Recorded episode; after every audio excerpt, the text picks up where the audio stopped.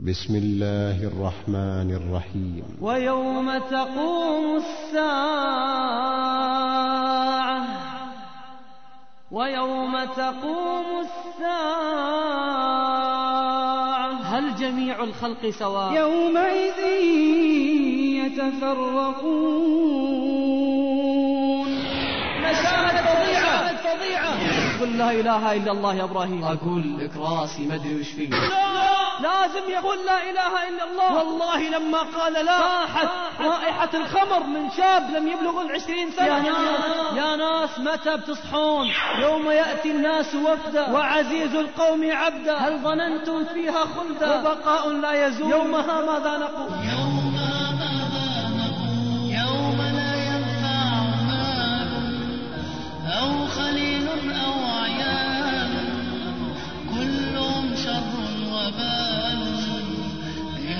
نال القبول ارجع النصراني قتلوه. أخذهم هم وأنا ما أخذني. أنا سكران. ما أخذني. وفجأة ينطلق أحدهم. قد فاز. وربي قد فاز. ادخلوها بسلام. قس مليونير. عاداه الكل. صدق أن ندخل النار. تعالوا وانظروا إليه. أين هو؟ الذي كان يقول أئنك لمن المصدقين. فاطلع فرآه في سواء الجحيم. ستذري الدم لا دمع. إذا عاينت لا جمع. يقي في عرصة الجمع. ولا خال ولا عم مؤسسة الأبرار للإنتاج والتوزيع تقدم يومئذ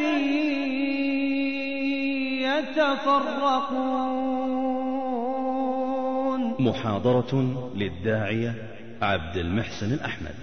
بسم الله الحمد لله الذي جل وعلا على عرشه استوى. له ما في السماوات وما في الأرض وما بينهما وما تحت الثرى. وإن تجهر أو أجهر بالقول فإنه يعلم السر وأخفى. الله لا إله إلا هو له الأسماء الحسنى. عباده ليسوا سواء. منهم من هو في الدرك الأسفل ومنهم من هو في الدرجات العلى. ومنهم من يمشي على الأرض وقد بني قصره في جنة المأوى. ومنهم من قاده الشيطان حتى كتب في نار تلظى. وأصلي وأسلم على إمام الهدى وعلى آله وصحبه ومن بسنته اهتدى. أما بعد أحبتي الفضلاء سؤال يطرح في كل مقام وفي كل مجال ليس بالأفواه ولكن بالعقول. هل جميع الخلق سواء؟ هل كل الناس عند رب العالمين سواء؟ هذا يعصي الله جل جلاله ويتمتع ويتقلب وينام ويشرب ويلبس والآخر هناك في طاعة الله جل جلاله يخشى الله ويتقي الله ومع ذلك هو يشرب ويأكل ويلبس. إذا كانوا قد اشتبهوا في الملبس والمشرب والمأكل فهل هم سواء عند رب العالمين؟ أم نجعل الذين آمنوا وعملوا الصالحات كالمفسدين في الأرض؟ أم نجعل المتقين كالفجار هذا السؤال الذي يحير العقول وهذا السؤال الذي لو فهمه الخلق لتغيرت أحوالهم يقول ربي جل جلاله ليسوا سواء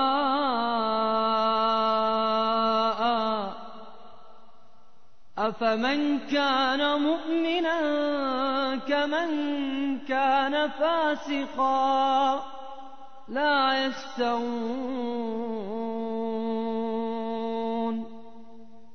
إن سعيكم لشتى منكم من يريد الدنيا ومنكم من يريد الآخرة طيب يا رب الكل يأكل ويشرب ويلبس. من عصاك ومن أطاعك.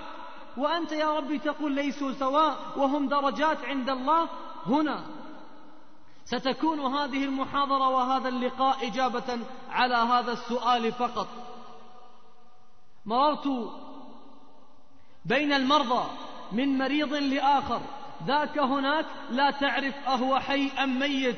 إلا أن الأنفاس ترتفع وتنزل والآخر هناك قد عاثت الأجهزة والأنابيب في كل مكان. ذاك أنبوب قد غرس في ذاك الأنف والأنبوب الآخر قد اخترق ذاك الفم. وهنا في صدره تلك الأسلاك وتلك الأنابيب. فتفكرت في نفسي لحظات وتأملت في حالي مع رب البريات جل جلاله أنا أمشي والكل منهم قد طرح على ذاك السرير الأبيض فرفعت رأسي إلى السماء وقلت يا رب أوزعني أن أشكر نعمتك التي أنعمت علي وعلى والدي وأن أعمل صالحا ترضاه. كانت الساعة الثالثة والنصف أو الرابعة فجرا. فقلت في نفسي هؤلاء قد طرحوا. لا تعرف أحي أم ميت ولا تدري ما هو حال أهلهم في بيوتهم. قد قاموا يدعون لهم بالشفاء. وكم من الناس من هو في تلك اللحظة بسماعة التليفون يعاكس بنات الناس وهي تعاكس؟ وكم منهم من يرقص في المراقص؟ وكم منهم من عاث في الطرقات يؤذي خلق الله وعباد الله؟ وكم منهم من يزني؟ وكم منهم من يسرق؟ فقلت سبحان الله إن لله لحكمة. وإن الله جل جلاله لعظيم. خرجت وكان قبيل أذان الفجر وبينما أنا في ذاك الطريق يكاد يخلو من السيارات أمشي من ورائي مجموعة سيارات قرابة العشرين سيارة هذا يشير بالنور. المهم أني والله أصبت بربكة فابتعدت. إذ بالسيارة من هنا ومن هناك بفضل الله نجوت يمشون والله وكأني واقف وهم بأعلى سرعة تعدوا. وإذ بالشباب من على الشبابيك الأغاني على أعلى الأصوات وذاك من الشباك خارج وذاك يرقص وهذا قد نزع فنيلته. والثاني والثالث والرابع أشكال أمة محمد عليه الصلاة والسلام في وقت السحر حتى تعدوا. وبقيت أمشي لوحدي فتساءلت فقلت هذه إجابة السؤال الذي سألت نفسي في المستشفى قبل قليل. كم من الأقوام الذين أنعم الله عليهم؟ إن الإنسان ليطغى. متى؟ أن رآه استغنى. لو أن أحدهم هناك قد ركبت فيه الليات والأنابيب لما تجبر على رب الأرض والسماء وعاث في الطرقات بهذا الشكل يعصي رب البريات. وعدوا فقلت في نفسي سبحان الله بهذه السرعة الجنونية وبهذا التهور هؤلاء أمة محمد عليه الصلاة والسلام. وبينما أنا في حبل أفكاري إذ بي أنظر إلى الأمام وإذ بالسيارات تقف وإذ بالأنوار الخلفية الحمراء تشير فقلت في نفسي ما الذي أوقفهم؟ وماذا يريدون؟ في هذا الطريق السريع أوقفت سيارتي في الصف الخامس وتساءلت ماذا عساهم يفعلون؟ جاءت الإجابات قد يكونوا وقفوا يرقصون قد يكونوا وقفوا لواحد منهم يفحط بالسيارة وهم قد عملوا هذا السياج حتى يعطوه راحته. المهم المسافة بعيدة خمس مسارات من السيارات أمامي. جلست في السيارة أنتظر على الخط يفتح. هل أنزل أنصحهم أو لا؟ وفجأة واللحظات تمر. إذ بجميع من هم حولي وبجنبي ومن أمامي بالسيارات ينزلون ويتجهون للأمام. وبينما أنا أفكر أنزل أو لا إذ بالشباب يرجعون على أقدامهم. والله مر أحدهم وضرب سيارتي وهو يبكي والآخر من وراءه يقول يا شباب اللي ما راح لا يروح اللي ما راح لا يروح مشاهد فظيعة. فسألت نفسي أهو حادث؟ أم ماذا؟ ماذا يعني بمشاهد فظيعة اللي جنبي بالسيارة ركب السيارة وسار إلى الخلف وعكس الطريق السريع كالمجنون كالمصاب بالهستيريا نزلت من السيارة وانطلقت وأنا أمشي والناس تواجهني. أول ما تعديت الصف الأول من السيارات هناك إذ بي أنظر إلى أربعة قد تجمعوا على شخص طريح. أنظر وهذا شاب يهزه مع أكتافه يقول له قل لا إله إلا الله قل لا إله إلا الله وأنظر إذ بالرجل قد بلغ الأربعين أو أكثر من عمره ليس هناك ساق هناك فخذ فقط قد قطعت ساقه ولا أدري والله أين الأخرى أهي قد كسرت على الأمام أم على الخلف؟ وهذا الذي يطرحه ويشده ويقول قل لا إله إلا الله نظرت إذ بذاك لا ينطق. وفجأة بدأت تتحرك الشفاه فقال أشهد أن لا إله إلا الله وأن محمد رسول الله ابعد عني. الرجل ذو الأربعين سنة يقول لهذا الشاب ابعد عني. وهذا ما زال مستمر يقول قل لا إله إلا الله أنا سمعته قالها. فأمسكت بكتف الشاب ورفعته قلت له خلاص. قال لا إله إلا الله اتركه وشأنه. فإذ به يوشح بيده حتى كاد يضربني على وجهي قال لا لازم يقول لا إله إلا الله. والله لما قال لا فاحت رائحة الخمر من شاب لم يبلغ العشرين سنة. علمت أن هذا سكران ولن يقبل مني أي الكلام فحمدت ربي أن ذاك الذي قد عاثت فيه الدماء وعاثت فيه حديد السيارات الحمد لله أنه قال لا إله إلا الله ولا ترى إلا أشلاء ساقه قد بترت هناك في المسار الأوسط من الشارع وإذ بالآخر هناك قد انطرح على الرصيف الذي بين المسارين فذهبت إليه وإذ بالدماء تتعب من فمه قد أسندوه أصحابه وهذا يقول له إبراهيم أنت بخير. هذا زميله اللي كان معه في السيارة. أنت بخير وذاك لا يجيب. والله ظننته فارق الحياة. فأقبلت عليه. قلت له يا إبراهيم قل لا إله إلا الله. قال راسي ما أدري وش فيه. قلت قل لا إله إلا الله. يسكن رأسك. قل لا إله إلا الله. والله معالم اللحظات الأخرى. بدت واضحة في وجهه والدماء تتعب من فمه ثم حرف يخرج ثم تخرج معه. فقاعات الدم ويخرج معه الدم ينزف كلما أغلق الحنجرة وتنفس بث الدم حتى جاء على ثيابه وثياب من هو حوله؟ قلت قل لا إله إلا الله يا إبراهيم. قال أقول لك راسي ما أدري وش فيه. ذهبت إلى الآخر الذي اجتمع عليه رجال الأمن من الدفاع المدني ومن الشرطة جاءوا لكي يخلصوا أشلاء ذاك الجسد من الحديد الذي ما ترك شلوا إلا قد خرقه فأتينا به إذ به في مكان الراكب السائق لا ندري أين ذهب. أقذفت به السيارة؟ والله لا ندري. المهم أن ذاك الراكب والله لا تدري أهو حي أم ميت. هو قد أغمض عينيه وقد تعلق قد دخل عليه الحديد. حديد باب السيارة. حتى أخذ من جنبه مأخذة كأن الباب قطعة من الجسد. المهم نهز السيارة وهو يهتز معنا. رجل الشرطة يحاول أن يخرجه يحاول أن يفك الجسد وهو متعلق هناك. لم يسقط لا على المرتبة ولا على الجنب. قد تعلق بعد أن التصقت فيه وتشبثت فيه حديد تلك السيارة. نحاول نحاول حاولت أن أدركه بلا إله إلا الله. قد ننزع الباب عنه وقد فارق الحياة. أدخلت رأسي من الشباك قلت له يا فلان قل لا إله إلا الله. قل لا إله إلا الله قل لا إله إلا الله وأنا أكرر عليه وإذ به يضرس بأسنانه ويضرس بأسنانه وفتح عينه. نظر إلي والله لم يجيب ولم يقل لا إله إلا الله. حاولت ينظر إلي ينظر إلي ثم فجأة وقبل أن ننزع الباب إذ بتلك العنق تميل هناك. والله تعلقت لم تسقط لأن الحديد قد التصق بجنبه. فوالله لا تعرف من جسمه أو لا. ثم بدأ ذاك رجل الشرطة يصيح صياح والله لم أسمع مثله قط. قال يا ناس يا ناس متى بتصحون؟ متى بتصحون كل يوم؟ والله يلتفت علي بعد أن حاولت أهدأ قال كل يوم يرون مثل هذه المشاهد ولا يتعظون. ثم خر على ركبتيه وجثى. المهم ننزل هذا من السيارة وذاك من السيارة. منهم المصاب ومنهم من تقطعت أشلاؤه. رجعت إلى ذاك. السكران الذي لم يبلغ العشرين سنة. انظر في حاله.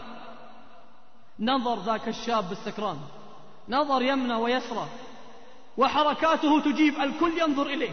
ثم بدأ يركض في وسط الشارع أمام الناس. ثم قفز وضرب على الأرض بعد أن جثى على ركبتيه. قال إن الله عظيم. إن الله عظيم. أتيت أريد أن أهدأ إن الله عظيم. ثم بدأ يلتفت علي يقول إحنا إيش كنا مشغلين؟ مشغلين أغاني كلنا. أخذهم هم وأنا ما أخذني. أنا سكران ما أخذني. إن الله عظيم. يقول لو أخذني معهم كيف ألقى الله؟ أقول له إيش سويت بنفسي؟ أقول له يا رب أعطيتني النعم وعصيتك. أنا ما أخذني. إن الله عظيم. احتضنت الرجل أمام الناس. مشهد والله مريع. لا تدري أتنظر الأشلاء أم تهدئ هذا الذي قد أصيب بالهستيريا. احتضنته. قلت أبشر بالخير. عسى الله سبحانه وتعالى أن يكون أراد بك خيرا يوم أن أنجاك. بدأ يبكي. قال إن الله عظيم. الله يرانا الآن. بدأ يطلق كلمات عجيبة. وبدأ يطلق كلمات غريبة. هدأته إذ بالأذان يرفع. وإذ بذاك المسجد يرفع. الله أكبر. وهؤلاء قد فارقوا ما سمعوا. الله أكبر.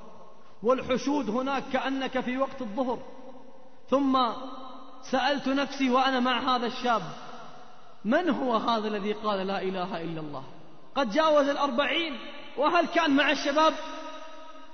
إذ بها تنجلي الشبهات وينكشف الغموض ذاك الرجل كان في ذاك الباص الصغير وإذ بهؤلاء يحدون عن يمين ويسار. وبسرعة السيارة يخترقون الحديد حتى يبترون ساقه وسوف يسألون. والله سوف يسألون. فقلت سبحان الله. قال لا إله إلا الله. وهؤلاء ما قالوها. فتذكرت قول ربي جل جلاله.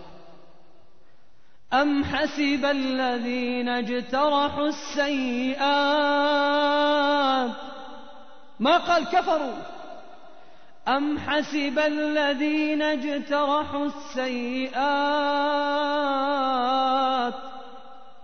أن نجعلهم كالذين آمنوا وعملوا الصالحات.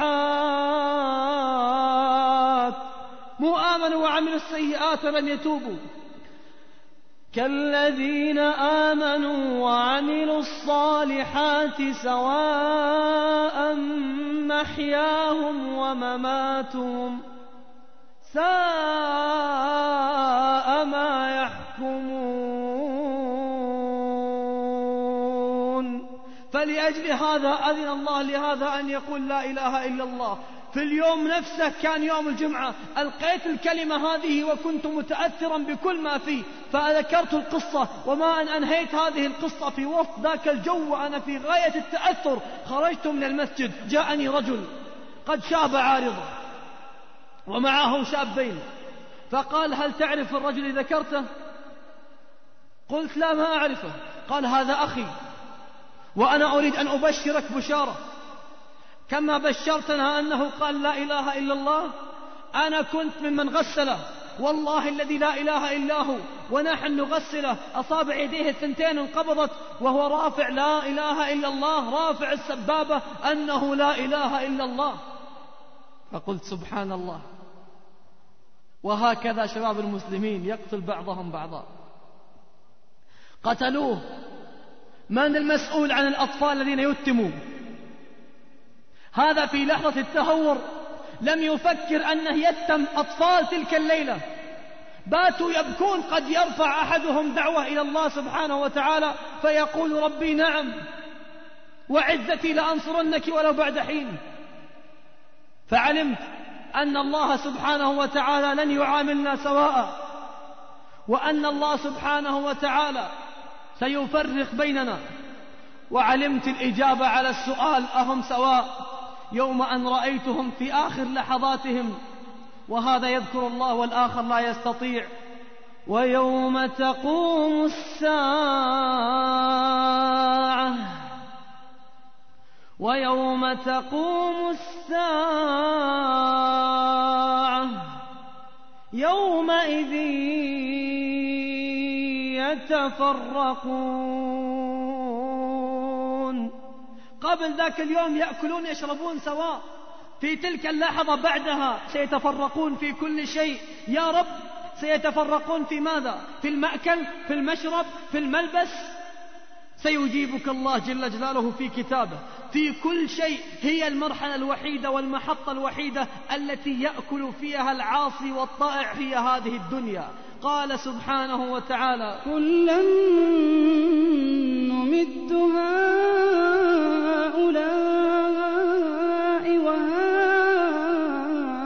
وهؤلاء من عطاء ربك وما كان عطاء ربك محذورا. هل تعرف من هم هؤلاء ومن هم هؤلاء؟ يقول سنمد هؤلاء الذين استعانوا بنعمنا على معاصينا. سنمدهم أكل شرب لباس نوم مسكن. وأولئك وهؤلاء الذين استعانوا بنعم الله على طاعتنا. فالكل سيمدها الله سبحانه وتعالى في هذه الدنيا التي لا تساوي جناح البعوضة. لكنه قال ويوم تقوم الساعة يومئذ يتفرقون. لن نتكلم عن الموت وضمة القبر واتساعه لآخرين وضيقه على آخرين حتى تختلف الأضلاع. فهذا تفرق لكن ليس هذا المجال. لن نتكلم عن المقامع التي يقمع بها أناس تحت الأرض والذين يفتح لهم على الجنة. لن نتكلم عن من يبشر بالجنة وهو في حفرته ويقول رب أقم الساعة والآخر الذي يقول رب لا تقم الساعة حينما يرى ما ينتظره هناك. لا سنتكلم في أول يوم يحشر فيه العصاة ومن أطاع الله.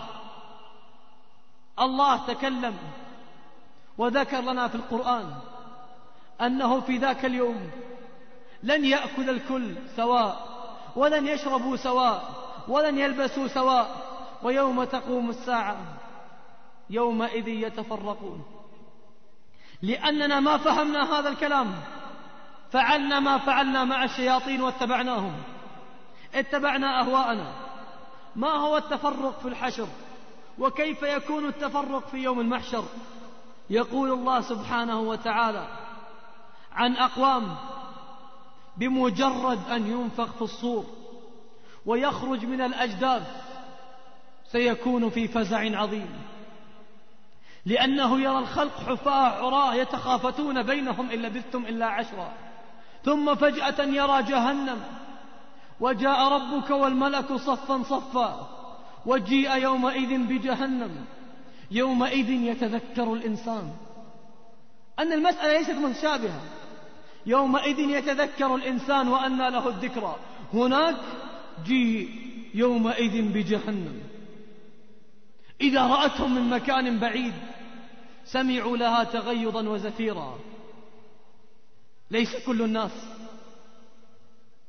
هناك أقوام قد قال الله عنهم لا يسمعون حسيسها سبحان الله يا رب أناس تخوفهم وتزفر عليهم النار وتشهق من بعيد. وأناس لا يسمعون حسيسها هل علمت أنهم سيتفرقون؟ هناك أقوام بمجرد أن يخرج من القبر.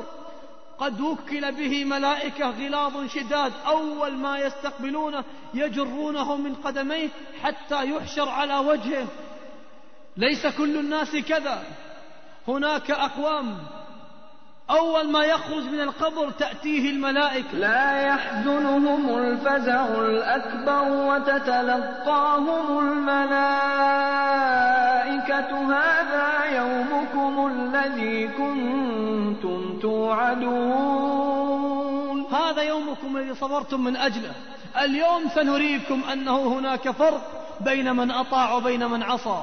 ثم يقول الله سبحانه وتعالى بعدها يوم نحشر المتقين. ما قال نحشر المسلمين ولا المؤمنين اختار المتقين لذاك اليوم الذي سماه ربي بالعقيم الذي سماه ربي بالطام. يقول هناك أقوام. يوم نحشر المتقين إلى الرحمن. يوم نحشر المتقين إلى الرحمن وفدا. ونسوق المجرمين إلى جهنم وردا. هل رأيتم أنهم يتفرقون حتى في طريقة المحشر؟ حتى في طريقة المشي. ثم هناك هناك يظل أقوام في ظل الرحمن يوم لا ظل إلا ظله هم سبعة فهل أنت منهم؟ وهل أنت منهم؟ والله سيكون أقوام هناك لا ظل ولا ظليل. الشمس قدر ميل والعرق قد ألجم الناس. منهم من إلى كعبيه ومنهم من إلى ركبتيه ومنهم من إلى حقويه ومنهم من قد غرق في العرق خمسين ألف سنة لأجل هذا انضبط هنا من انضبط. اتقوا الله ولتنظر نفس ما قدمت لغد. لذاك اليوم ويوم تقوم الساعة يومئذ يتفرقون. وسيعلم الذين ظلموا. ضحكوا قليلا هنا. وسيعلم الذين ظلموا أي منقلب ينقلبون. وسيعلمون أن الله ما خلق السماوات والأرض وما بينهما باطلا. وما خلقنا السماوات والأرض وما بينهما لاعبين. ما خلقناهما إلا بالحق ولكن أكثرهم لا يعلمون. هناك سيحشر الناس يوم تجثو كل أمة في دياجير الملمة للسؤال عن المهمة هل أجبتم الرسول يوم يأتي الناس وفدا وعزيز القوم عبدا هل ظننتم فيها خلدا؟ وبقاء لا يزول يومها ماذا نقول؟ هناك سيعلم الكل وهنا أكثر الناس لا يعلمون ويوضع الحساب ونضع الموازين القسط ليوم القيامة. فجأة ينادى يا فلان ابن فلان هلم. والله سيذكر اسمك. وتخيل نفسك الآن. واستشعر أخيه إن كان اليوم أو غد سيحصل المشهد. فاستشعري هلم للعرض على ربك. وجاءت كل نفس معها سائق. إلى أين؟ بين يدي جبار السماوات والأرض.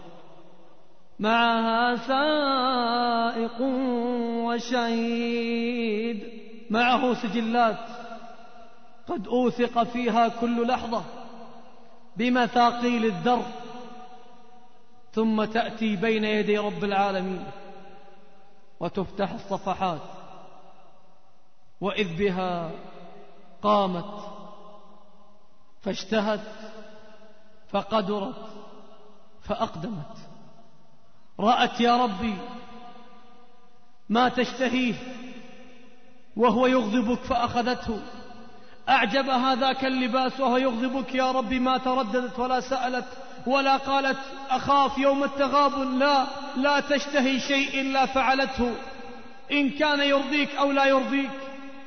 يا ربي ليس بينها وبين المعصية إلا أن تشتهيها وليس بينها وبين المعصية والكبيرة إلا أن تقدر عليها والصفحات كلها اشتهت فعلت اشتهت فعلت اشتهت فعلت.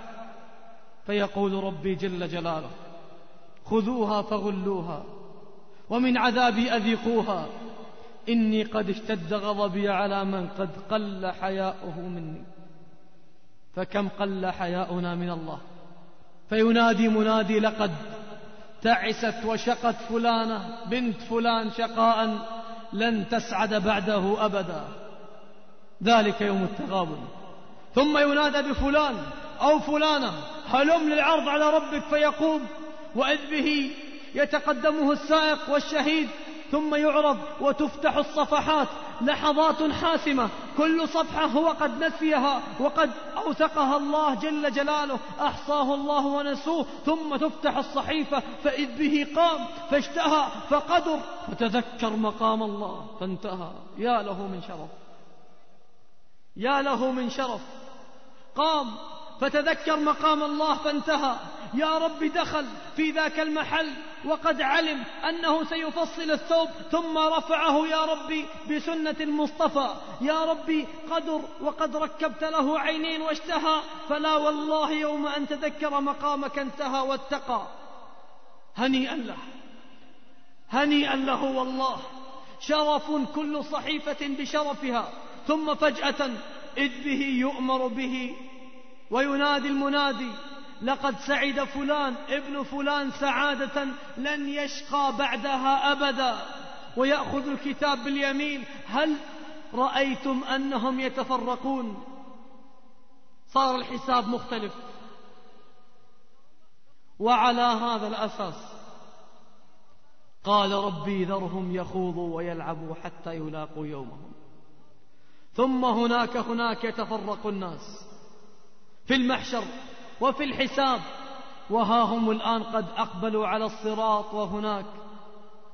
سيكون الحال أشد لأن النار سيراها الكل ثم لترونها عين اليقين. اعبروا وإن منكم إلا واردها. أنت يا من تسمعني الآن ويا من تسمعيني الآن وإن منكم إلا واردها. كان على ربك حتما مقضيا. ثم تتقدم الأقدام. وهذه قدم ستوضع الآن على الصراط. من سينجو يا رب؟ ثم ننجي الذين من؟ أسلموا. من؟ ثم ننجي الذين اتقوا. الذي يقدر على أن يفعل المعاصي. تقدر تلبس الملابس الخليعة تقدر تنظر للمناظر الخليعة تقدر تفعل كل الأفعال لكنها اتقت. فنجاها الله جل جلاله. قال ثم ننجي الذين اتقوا ونذر الظالمين فيها جثيا. هناك هناك من يسقط سيأخذ في المسافة وسيأخذ في ذاك الطريق إلى جهنم سبعين سنة. أعاذني الله وإياكم منها حتى أن ينبجس رأسه في الأرض في قعر جهنم سبعين خريفا والكلاليب والصراط أدق من الشعر. وهناك لن ينجو إلا المتقون. ونذر الظالمين فيها جثيا. فكم من المسلمين ممن ظلم نفسه. ثم تنجو طائفة هناك. سماهم ربي جل جلاله بالمتقين. اللهم اجعلنا منه هؤلاء أقوام لهم أبصار كما لنا ولهم أسماع كما لنا ولهم أرجل كما لنا ولهم شهوات كما لنا.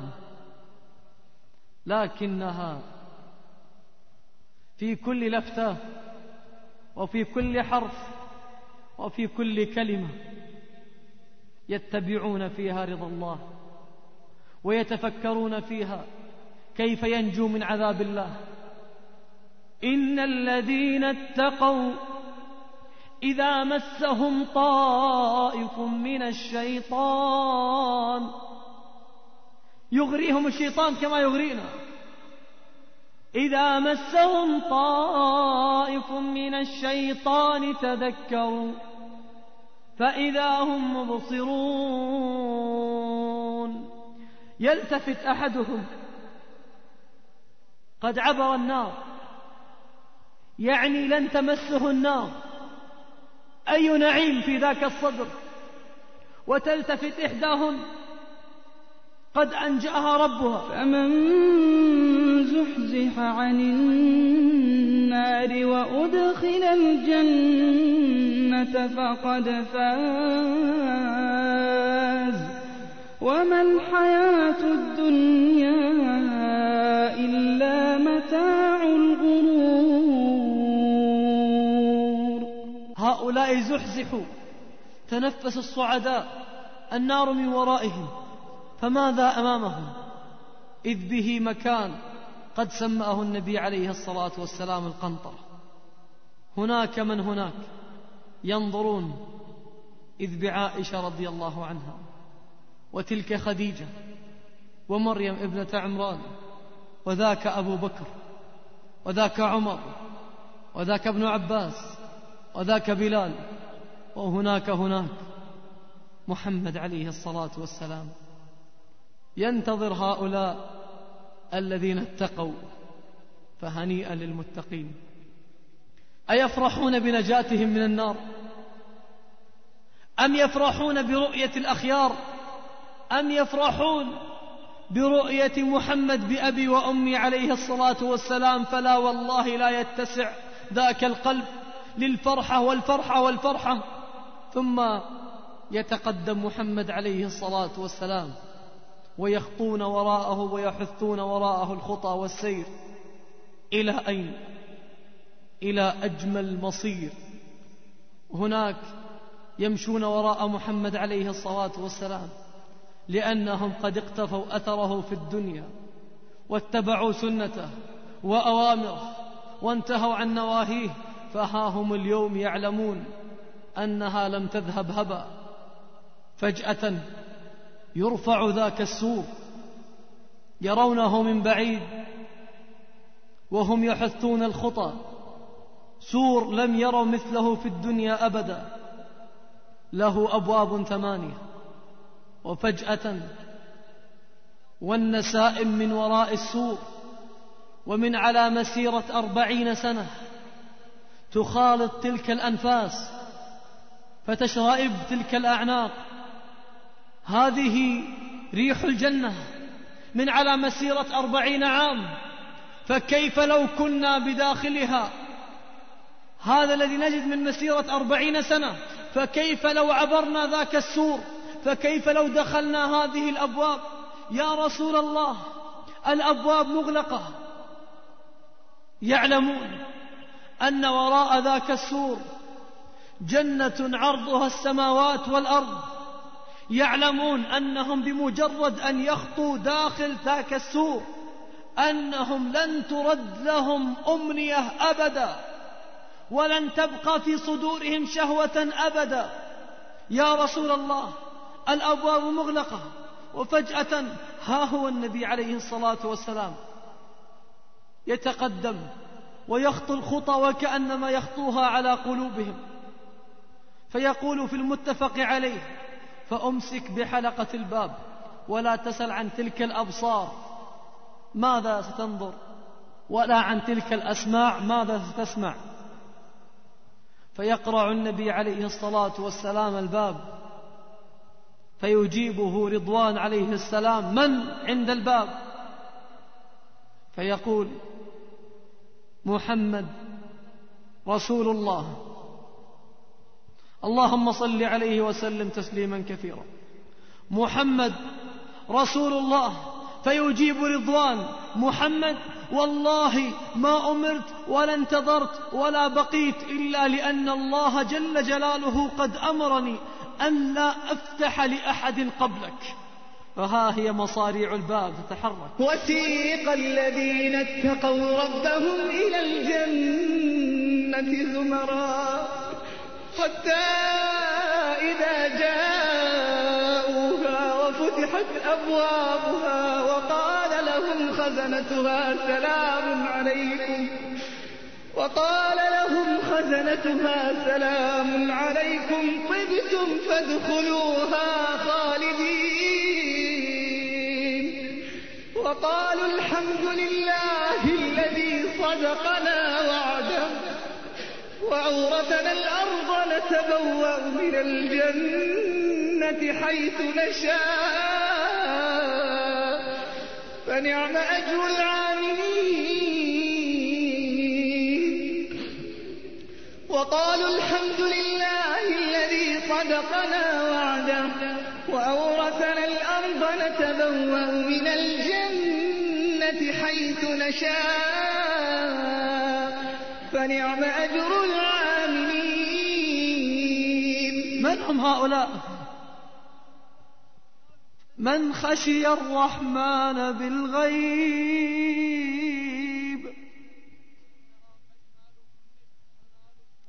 وجاء بقلب منيب.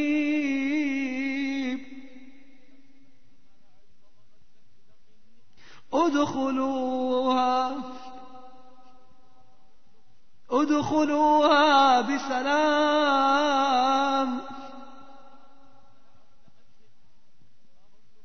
ذلك يوم الخلود.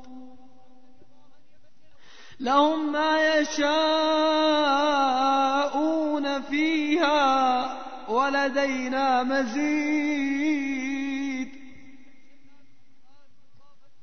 هل أنت تخشى الرحمن بالغيب؟ هل أنت تخشين الرحمن بالغيب؟ منا من لا يخشى الرحمن حتى في الشهادة. فها هي مواصفاتهم. اللهم اجعلنا منهم. ثم يتقدمون. وقد رأوا مشاهد لأول مرة يرونها في حياتهم. لا في صور ولا في البلدان ولا في التلفاز ما رأوا. ما لا عين رأت ولا أذن سمعت. ولا خطر على قلب بشر.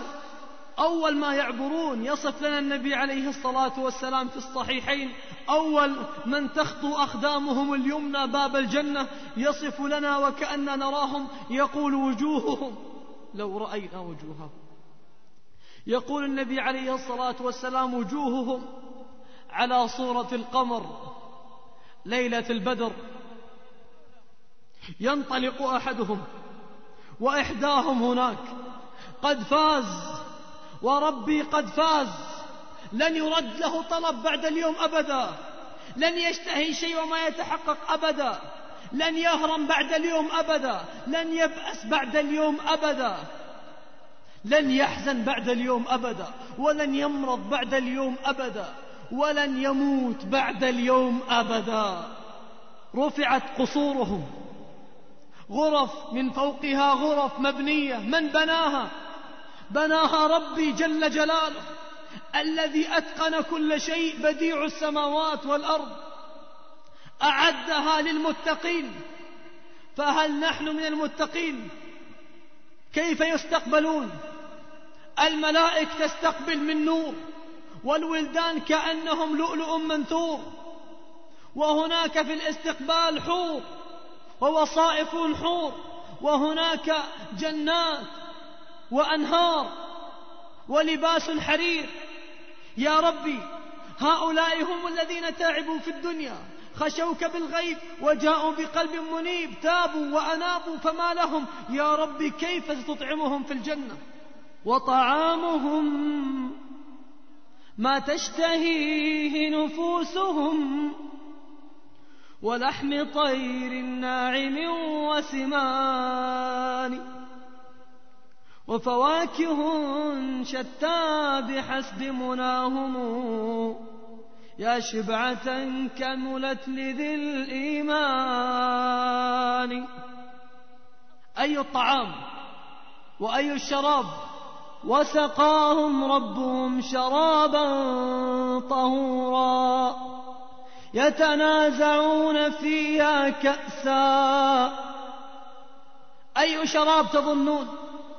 الذي صنعه هو الله أنهار أربعة. فيها أنهار من ماء غير آس وأنهار من لبن لم يتغير طعمه وأنهار خمر لذة للشاربين وأنهار عسل مصفى. اشربوا وكلوا وذاك على الفرش. هناك يا رب ماذا أعددت لهم في الفرش؟ متكئين على فرش بطائنها من استبرق. بطائنها يا رب من استبرق أرق أنواع الحرير. إذا ظواهرها يا رب الذي تلامسه أجسادهم ما هو؟ ولا خطر على قلب بشر. هناك سيختلف السماع لا يسمعون فيها لغوا ولا تأثيما ولا خبر يؤسفهم ولا خبر يزعجهم والملائكة يدخلون عليهم من كل باب سلام عليكم بما صبرتم فنعم عقب الدار. مسيرة الشجرة هناك مئة عام وجهها تضيء له الدنيا وأسورة الرجل لو بدت لأطفأت ضوء الشمس والقمر فلا يرون إلا نور وجمال في جمال ولا يسمعون إلا جمال ونسائم الجنة. إذا حركت الأغصان سمعوا ألحان لم يسمعوا مثلها ولم تسمع أذن مثلها في الدنيا قط. فأي عيشة هذه العيشة؟ يرى أحدهم تلك الثمار والثمرة هي الثمرة تشتهي أن تلامس تلك الشفاه فاكهة وثمار حولي تاقت واشتاقت هي لفمي فإذا ما مازجها ريقي ازدادت شهدا من شهدي. وهناك التقى بعضهم مع بعض وأقبل بعضهم على بعض يتساءلون. والله جل جلاله ينقل لنا الخبر وكأنك تراه وتسمعه صوتا وصورة بالحركة فأقبل بعضهم على بعض يتساءلون.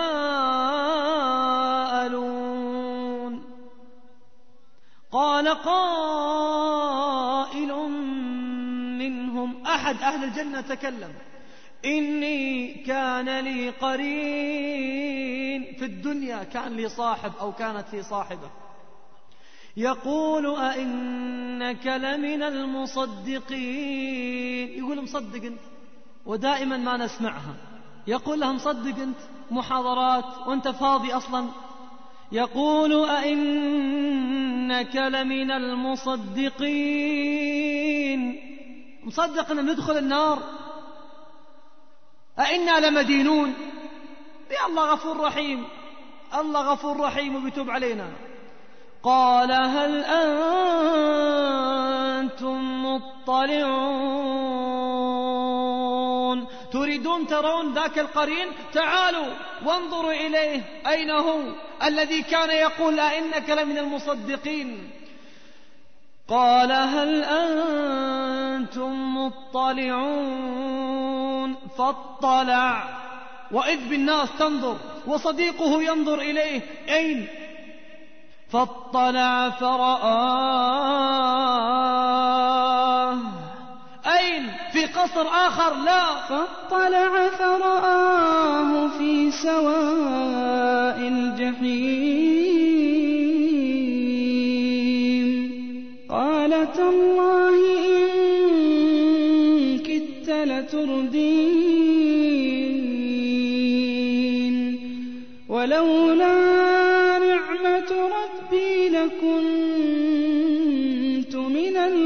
المحضرين يقول تالله إن كدت لتردين لو أطعتك كان أنا معك في سواء الجحيم. لمثل هذا فليعمل العاملون. وكم من الناس من نجا من قرين سوء ومن قرينة سوء وكم منهم من نجت وكم منهم من ألحق بعضهم ببعض. وكنت في الأردن وكان معنا في المجلس ثلاثة من النصارى الذين بدلوا بفضل الله جل جلاله وحده وأسلموا وأصبحوا دعاة لهذا الدين وفي مواجهة التنصير. فذكر أحد القسيسين من العرب. قس مليونير. عنده من الملايين ومن أسرة. مترفة جدا في غاية الترف قصور وخدم وحشم. وكان في طريقه إلى التنصير ونشر النصرانية في بلاد المسلمين. إلى أن جاء ذاك اليوم المحتوم. وأراد الله جل جلاله أن ينقذه سبحانه. فإذ بذاك القلب يقلب وإذ بتلك الشفاه التي كانت تثلث وتقول الله ثالث ثلاثة تعالى الله عما يقول الظالمون علوا كبيرا إذ به يشهد أن لا إله إلا الله وبدل دينه وغير منهجه وفكرته عاداه الكل واتخذوا اتجاهه موقف الضد وموقف العداء اجتمعوا في الكنيسة ودبروا وخططوا كانت أمه وأباه من أشد المتشددين في النصرانية فوقفوا أمامه وقفة الخصم والعدو. حاكوا له اجتمعوا دبروا تآمروا حاولوا أن يثنوه ثبته الله جل جلاله. حاولوا أن يكسروه حاولوا أن يغروه إلى أن انتهى به المطاف أن حرموه بطريقة أو بأخرى من هذه الأموال التي في حسابه لم يثنى ولم ينكسر عزمه. حرموه من زوجته لم يرجع. حرموه من أولاده لم يرجع. تواترت البلاءات عليه البلاء تلو البلاء إلى أن اتخذوا قرارا صارما يريدون أن يجتمعوا به الأم والأب في حوار خاص. جاءت الأم والأب وقالوا نريد أن نناقشك. حاولوا ما استطاعوا. ثبته الله. إن قالوا كلاما رد عليهم بالآيات وبالقرآن إلى أن قالوا اسمع يا فلان أنت الآن تعادي المسيح. وأنت وأنت. ونخاف عليك من النار. سبحان الله ويحسبون أنهم مهتدون. إلى أن جاءوا بإناء فيه بنزين. وسكبوا على ملابسهم. الأم والأب. وقالوا هذه الفرصة النهائية إما أن ترجع لديننا أو ننهي حياتنا. وسوف تندم طول حياتك. وسوف تكون أنت السبب في مقتلنا. فقال لهما لا تفعلا لا تفعلا هذه أمه أغلى مخلوقة عنده وهذا أبوه أغلى مخلوق لكن الله جل جلاله أغلى. فحاول أن يثنيهم عن فعلهما وهما ما زالا مصرين على هذا الفعل فقال لهما في النهاية يا أبتي ويا أمة أنتما تقولان ارجع للنصرانية. وبحثت في نفسي كلاما في القرآن أرد عليكما.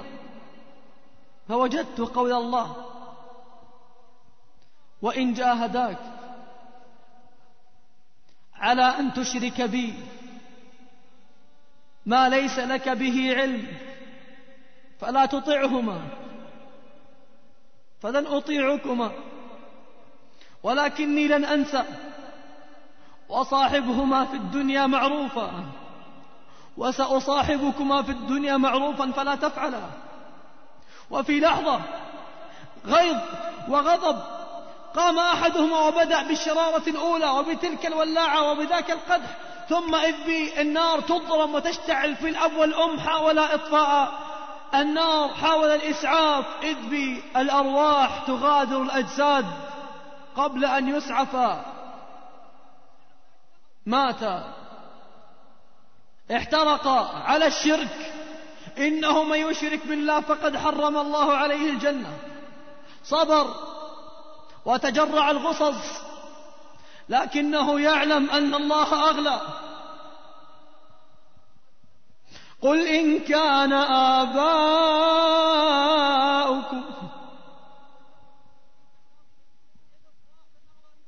قل إن كان آباؤكم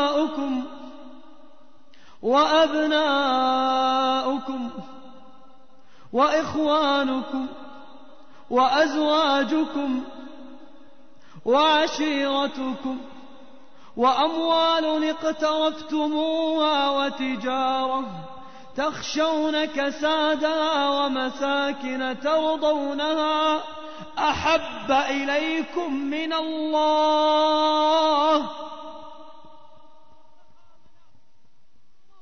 أحب إليكم من الله ورسوله وجهاد في سبيله فتربصوا حتى يأتي الله بأمره. قل إن كان آباؤكم وأبناؤكم وإخوانكم وأزواجكم وعشيرتكم وأموال اقترفتموها وتجارة تخشون كسادها ومساكن ترضونها ما قال تحبونها قال أحب إليكم من الله.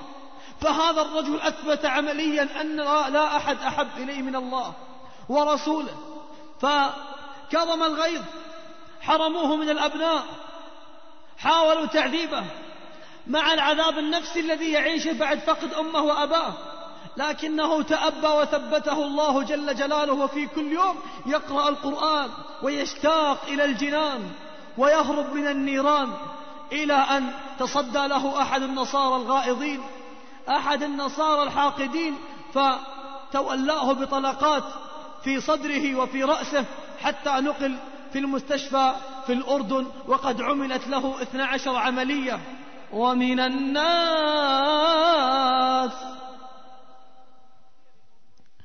ومن الناس من يشري نفسه. باع نفسه. ابتغاء مرضات الله. بكم؟ ابتغاء مرضات الله. والله رؤوف بالعباد. والله رؤوف بالعباد. فماذا بعت؟ والثمن رضا الله. لا يستطيع بطل دخان ولا يترك أغاني. هذا ترك أهله. وحرم أولاده وحرم كل شيء. لكن بقي له الله جل جلاله وكفى بالله وكيلا. منكم من يريد الدنيا ومنكم من يريد الآخرة. لأجل هذا هناك سوف يتفرقون. ثم يجعل الله جل جلاله هذه النقطة التي ينظر فيها أصحاب الجنة لأصحاب النار نقطة عظيمة ولحظة لا تنسى أبدا. ونادى أصحاب الجنة أصحاب النار أن قد وجدنا ما وعدنا ربنا حقا. وجدنا من خاف مقام ربه ونهى النفس عن الهوى فإن الجنة هي المأوى. وجدنا إن للمتقين مفازا. وجدنا الأنهار. فهل وجدتم ما وعد ربكم حقا؟ قالوا نعم. وجدتم فوائل للمصلين الذين هم عن صلاتهم ساهون. وجدتم ولا يزنون ومن يفعل ذلك يلقى أثاما يضاعف له العذاب. وجدتم ولا يغتب بعضكم بعضا. وجدتم فأذنوا بحرب من الله ورسوله لآكل الربا. قالوا نعم. فأذن مؤذن بينهم اللعنة الله على الظالمين. الذين يصدون عن سبيل الله. تبغى تروح المحاضرة؟ قالت يا أختي لا تروحي تعالي نشوف السوق. يصدون عن سبيل الله ويبغونها عوجا. هناك هناك نظروا إلى أقوام يعيشون حياة مختلفة ولباس مختلف. وفرش مختلفة وشراب مختلف. وأما إن كان من المكذبين الضالين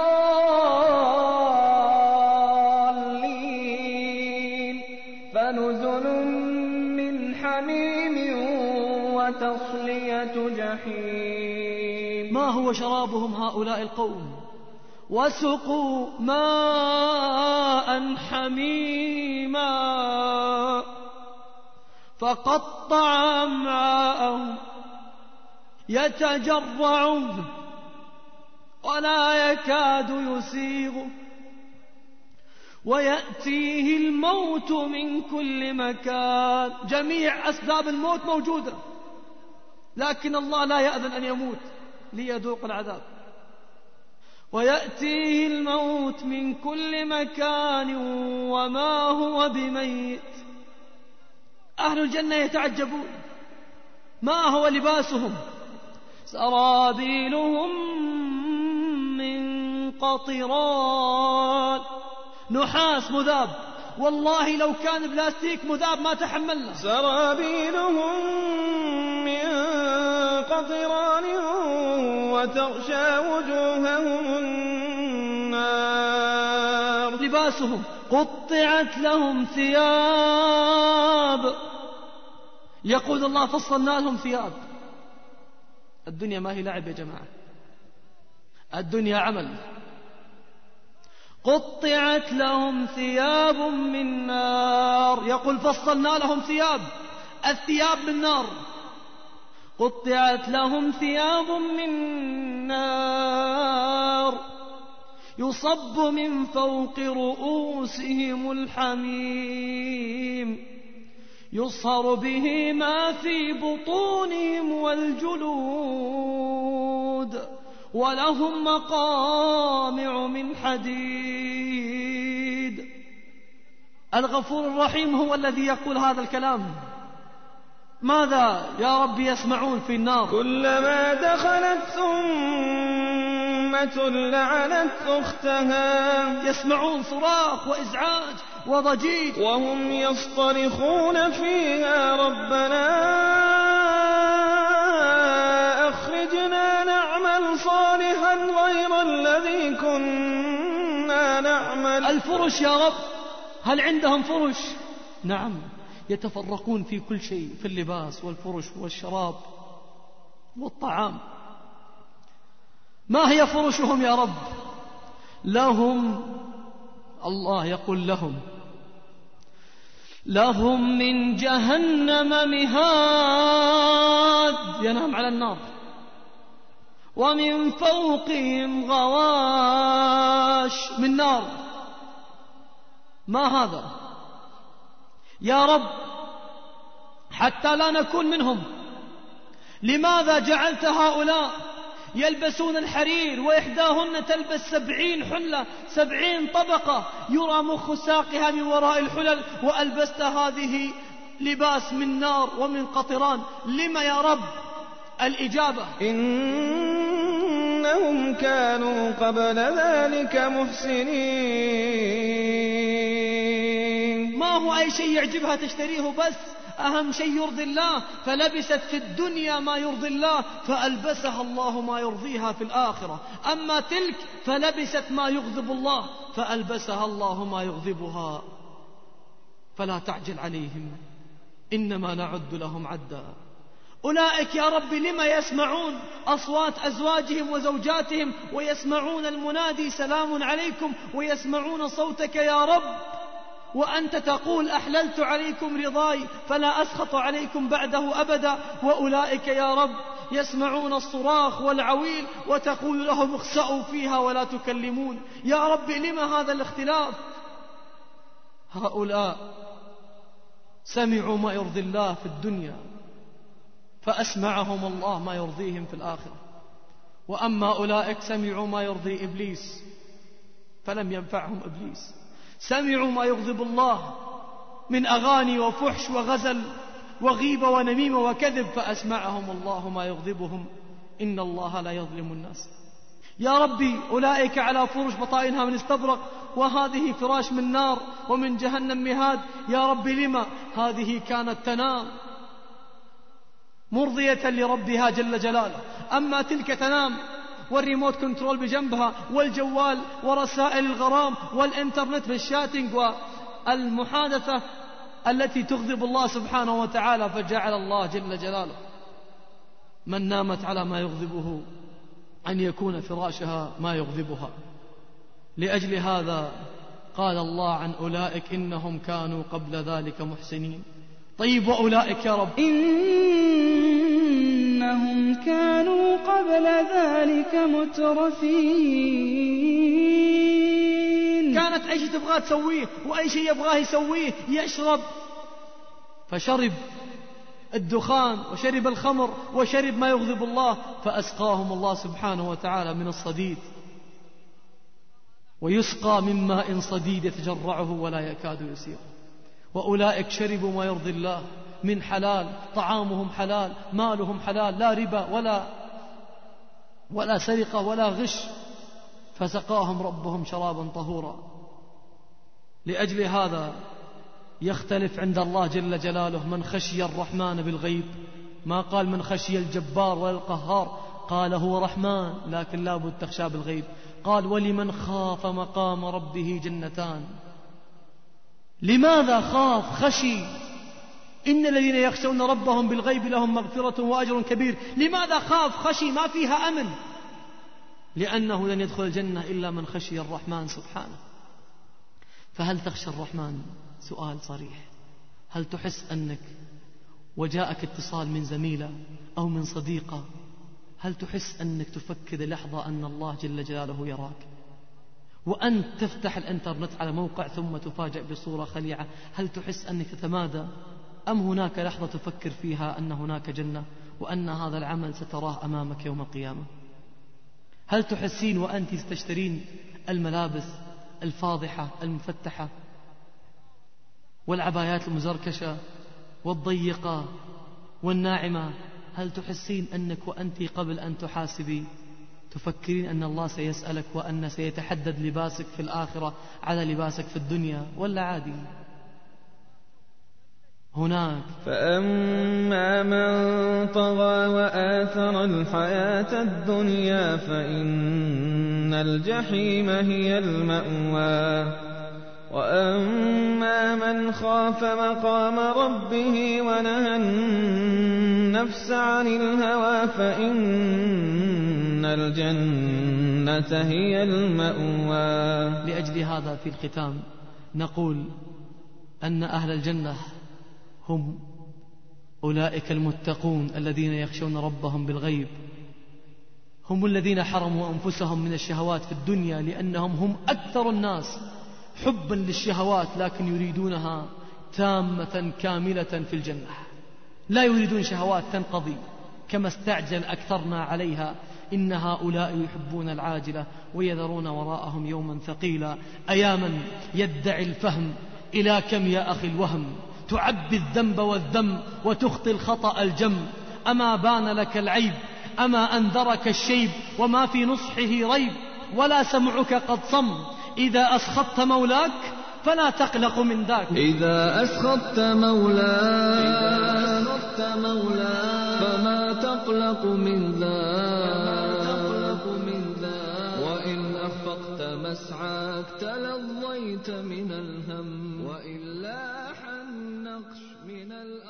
الأصفل تهتش وإن مر كالنعش تغاممت ولا غم تعاصي الناصح البر وتعتاص وتزور وتنقاد لمن غر. وفي الختام تقبلوا تحيات إخوانكم في مؤسسة الأبرار للإنتاج